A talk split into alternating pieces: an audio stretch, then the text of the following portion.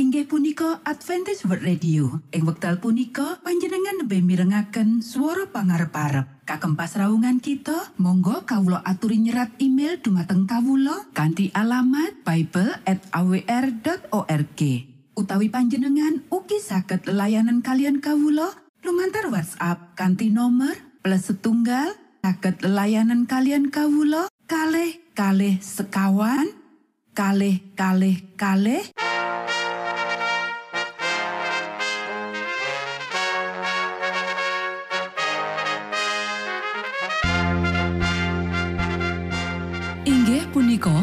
Adventist World Radio ingkang giaran kanti basa Jawi. Tentrem Rahayu kula aturaken kagem para mitra kinasih ing pundi papan lan panggonan. Sugeng pepanggian malih kalian Adventist World Radio. Kanti bingahing manah Kulo badi sesarengan kalian poro mitra kinasi. Lumantar saperangan adicara ingkang sampun rinonci.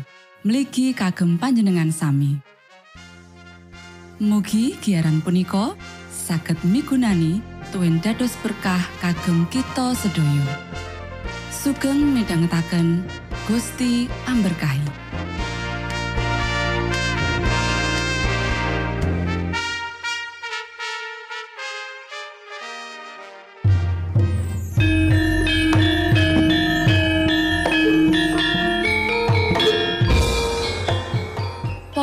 Pamirsa kinasih ing Gusti Yesus Kristus, ing wekdal punika kita badhe sesarengan ing adicara ruang kesehatan ingkang saestu migunani kagem panjenengan saha kita sami. Tips utawi pitedah ingkang dipun aturaken ing program punika tetales dawuhipun Gusti ingkang dipunnyatakaken ing kitab suci. Semanten ugi sakehing seratan ingkang dipun wangsitaken dening Gusti Allah. Nanging saderengipun, monggo kita sami midhangetaken kidung pujian.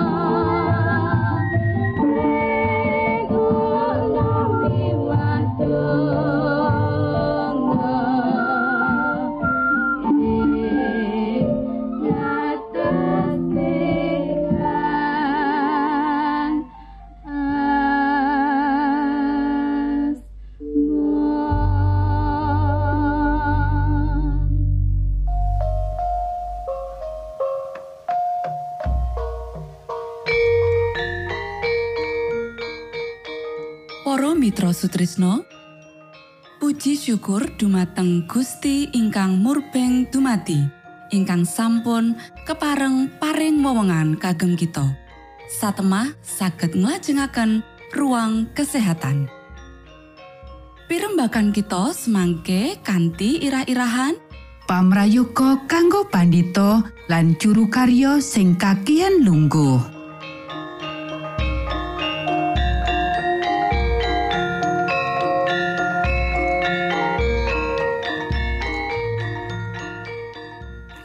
Dumateng para pamiarsa ingkang dahat kinurmatan sugeng pebanggian malih kalian kulo Isti Kurnaidi ing adicara ruang kesehatan ing dinten punika kanthi irah-irahan pamrayuga kanggo pandito lan juru karyo sing kakian lungguh para sedherek ingkang kinasih saben dina wong-wong sing dipercaya gawe keputusan wigati.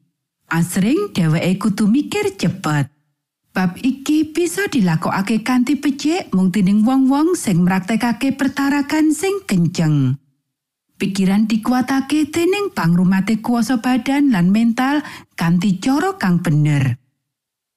Menawa pikirane ora tegang banget, kekuatan anyar teko ing saben wektu diperlokake. Nanging asring pakaryan saka dheweke sing duweni rancangan wigati sing kudu dikatekake lan gawe keputusan sing wigati dipengaruhi babab sing ala akibat mangan sing ora teratur. Weteng sing kacau bakal ngasilake kahanan pikiran sing kacau uga lan ora tentu. Asring muncul gangguan, kekasaran lan ora adil. Akeh rancangan sing kudune dadi berkah marang donya iki wis disisihake. Akeh patokan sing ora adil, asipat nendes malah kejem sing ditetepake. Iki akibat kahanan pikiran sing loro, akibat pakulinan mangan sing salah. Ing kene ana anjuran kanggo dheweke sing makarya meres otak lan kakean lungguh. Mugia dheweke sing duweni cukup kuwanen moral lan pengendalian diri nyoba iku. Saben wektu mangan, njupuk panganan prasaja sing kababar saka loro utawa telung werna. Mangano sak mung kanggo maremake rasa luwe. Anakno olahraga saben dina lan tontonen opo kowe bakal entuk manfaat. Para sederek, wong-wong kuat sing makaryo abot kanthi cara fisik, ora dipeksa supaya ngati-ati jroning jumlah lan mutu panganan kaya dheweke sing kekakean lungguh.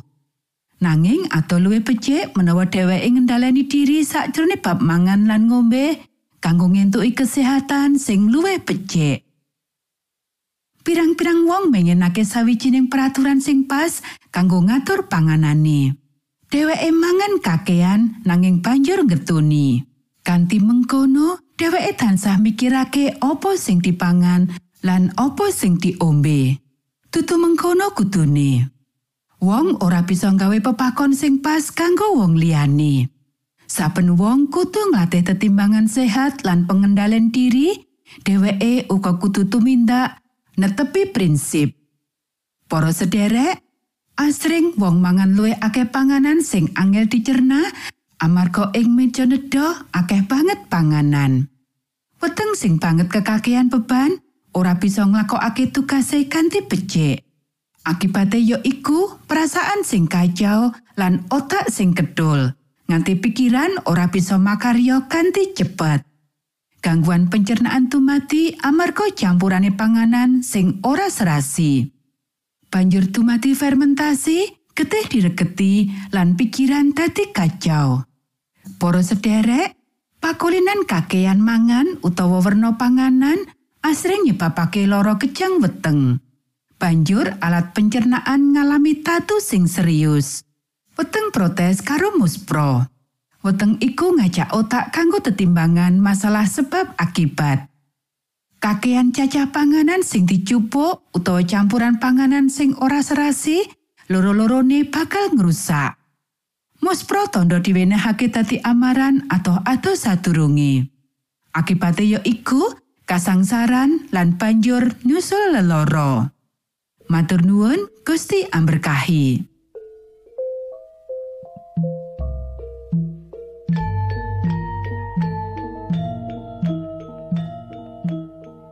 Cekap semanten pimbakan ruang kesehatan ing episode dinten punika.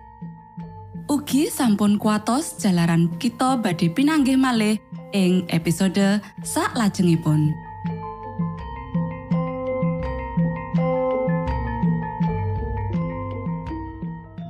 Inggih punika adicara ruang kesehatan.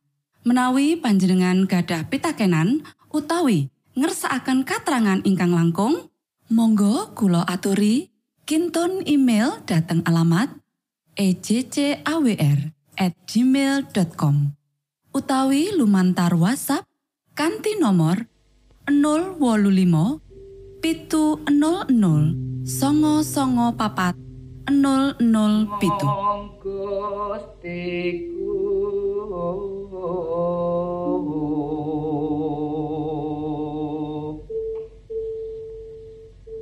Yesus Kristus kangsa tuhu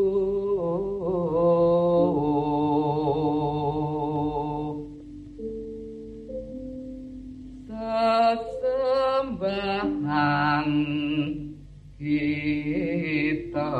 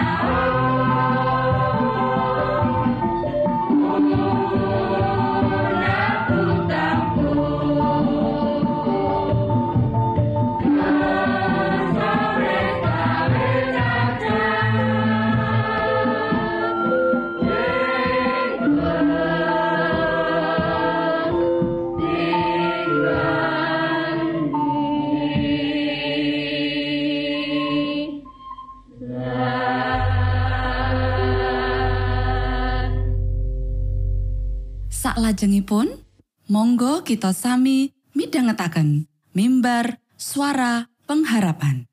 Angkatna piri kanthi pawarto Sang Kristus paderamu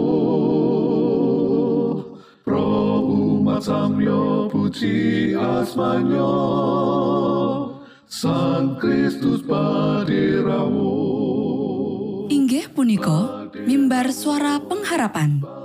Ing episode punika kanthi irah-irahan Gusti Allah nitahake kita. sugeng midhangetaken.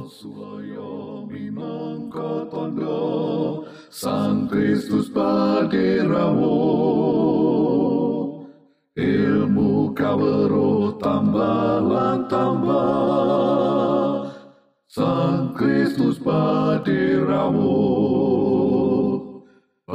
paderamu paderamu Sang Kristus paderamu Shalom para sedherek ingkang kinasih wonten ing Gusti. Sakmenika kita badhe mitangetaken renungan Sabda pangandikanipun Gusti. Ing dinten punika kanthi irah-irahan Gusti Allah nitahake kita.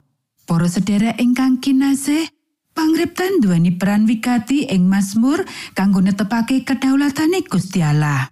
Langit nyaritakake kamulyaning Allah sarta akoso mratelakake yasaning astane. Sabur pasal 19 ayat loro nganti 5 lan sabur pasal 97 ayat 6. Asmane Gusti Allah kang agung ing saindenging jagat. Sabur pasal 8 ayat loro lan 10. Gusti Allah tansah yasa sekabehe. Dampar paduka jejeg awit kala rumiyin. Sabur pasal 93 ayat loro lan ora owah kingsir. Sabur pasal 100 loro ayat 6 likur nganti wolu likur. Praholone para bangsa mau seloko lan mas karapane tangan manungsa. Sabur pasal 115 ayat papat. Tangane ono nanging ora bisa ngrayai. Sabur pasal 115 ayat pitu. Sejatine Allah kuwi telenging bumi ana ing astane. Sarto astane yoso daratan. Sabur pasal 95 ayat papat lan 5. Saperangan Mazmur nggambarake panguasane Gusti Allah kekuatan alam kang diyakini dening bangsa liya asipat keilahian. Contone Sabur pasal 29, pasal 93 lan pasal 105. Mazmur-mazmur kuwi negesake menawa Gusti Allah kagungan kuwasa menggaing sakabeng ditahan lan kang moho agung lan kebak kinurmatan. Sabur pasal 100 ayat telu nyerang sawijining wujud panembahan prahala kang samar ya iku gumunggunge diri. Bab iki negesake menawa Gusti kang nitahake kita. Kita kagungannya. Para sedherek ingkang kinasih, titah uga nyekseni katresnane Gusti Allah. Kabeh sing ana kudu ana ing Gusti Allah.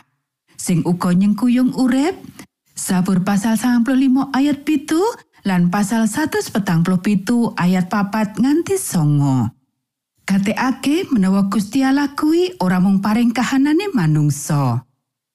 Panjenengane ndadekake Israel kuno, umate lan pepandan wedhus ngen-ngenane. Sabur pasal 100 ayat telu. Gagasan babakan umate lan pepandan wedhus ngen-ngenane nuduhake kersane Gusti Allah kanggo sesrawungan sing cedhak karo umate.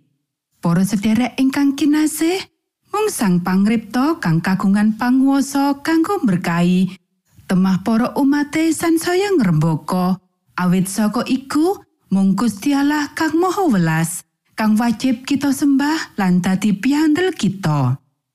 Akeh sabur kang wuh-wuh marang sakabeh kang urip ing saindenging bumi, sekara lan saisine kanggo sukarena ing ngarsane Gusti Allah. Para sedherek ingkang kinasih, kamulyaning Gusti Allah kanthi cetha katon jroning kang dititahake.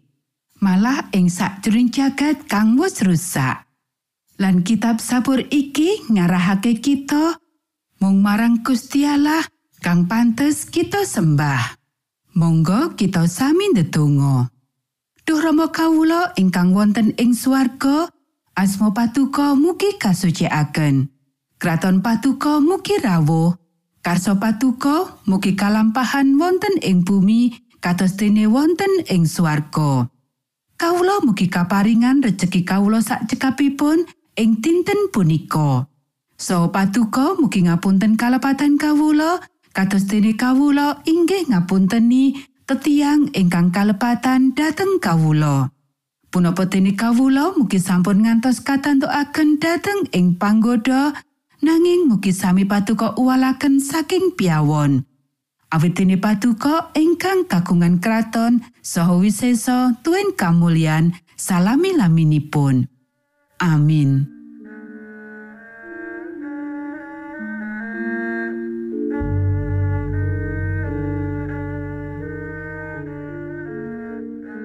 Para Mitra Sutrisno pamiarsa kinasih ing Gusti Yesus Kristus sampun paripurno pasamuan kita ing dinten punika menawi panjenengan gadah pitakenan utawi ngersaakan seri pelajaran Alkitab suara nubuatan Monggo Kulo aturi kinton email dateng alamat ejcawr gmail.com utawi lumantar WhatsApp kanti nomor 025 pitu 00 songo songo papat 00 pitu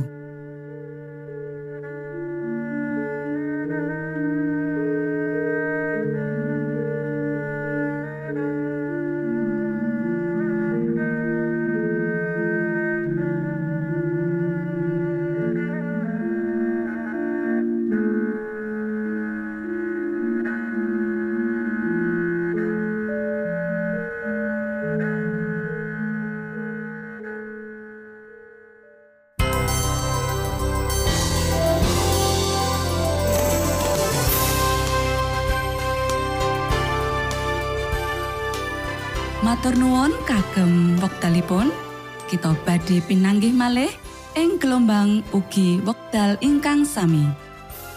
Saking studio kula ngaturaken tentrem rahayu. Gusti amberkahi kita sedaya. Maranata